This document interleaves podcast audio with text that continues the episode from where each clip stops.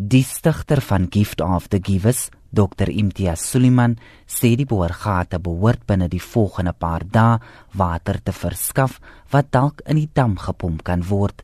We brought a specialist hydrologist, Dr. Ginian Groenewald, who said there is water. He's already found 220,000 liters per day. The aim is to drill in more places to find new aquifers, to find water that's hydrocarbon free. And the water that we found is hydrocarbon free, so it's suitable for drinking. And our aim is to get to a million liters a day. Maar daar is ook 'n ander tydelike ingryping. We're looking in at taking bottled water, storing it in Beaufort West. We then have water available for distribution to the different areas. And by that time, hopefully within the next few days, the first, second, and third boreholes should become functional to supply water as, as an alternative to bottled water. Suliman help ook inwoners en boere van Vredendal wat erg deur die droogte geraak word. So whilst we're busy with that, remember there's a lot of people that have been affected and animals have been affected in the areas around that. So we've been delivering animal feed and we've been delivering food parcels also.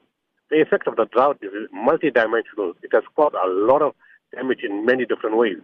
En Suliman sê daar word oorweeg om boorgate in ander gebiede te boor.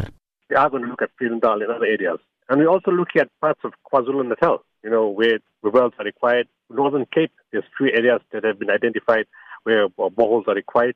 So it's quite an intensive project, but one step at a time. We don't want to mess things up. We want to do one thing properly and then go to the next one.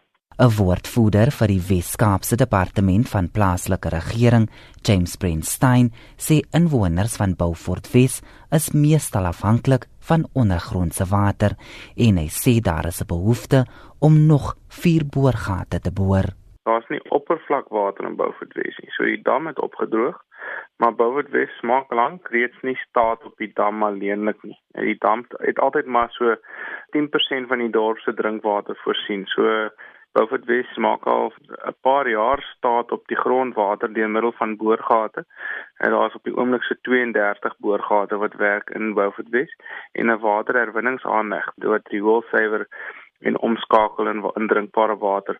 En die drinkbare water van die herwinningsaanleg word gemeng met die boorgatwater terloops en dan word dit in een stelsel ingevoer. Intussen is die Teewaterskloofdam 25% vol en die Voelvlei dam staan op 27%.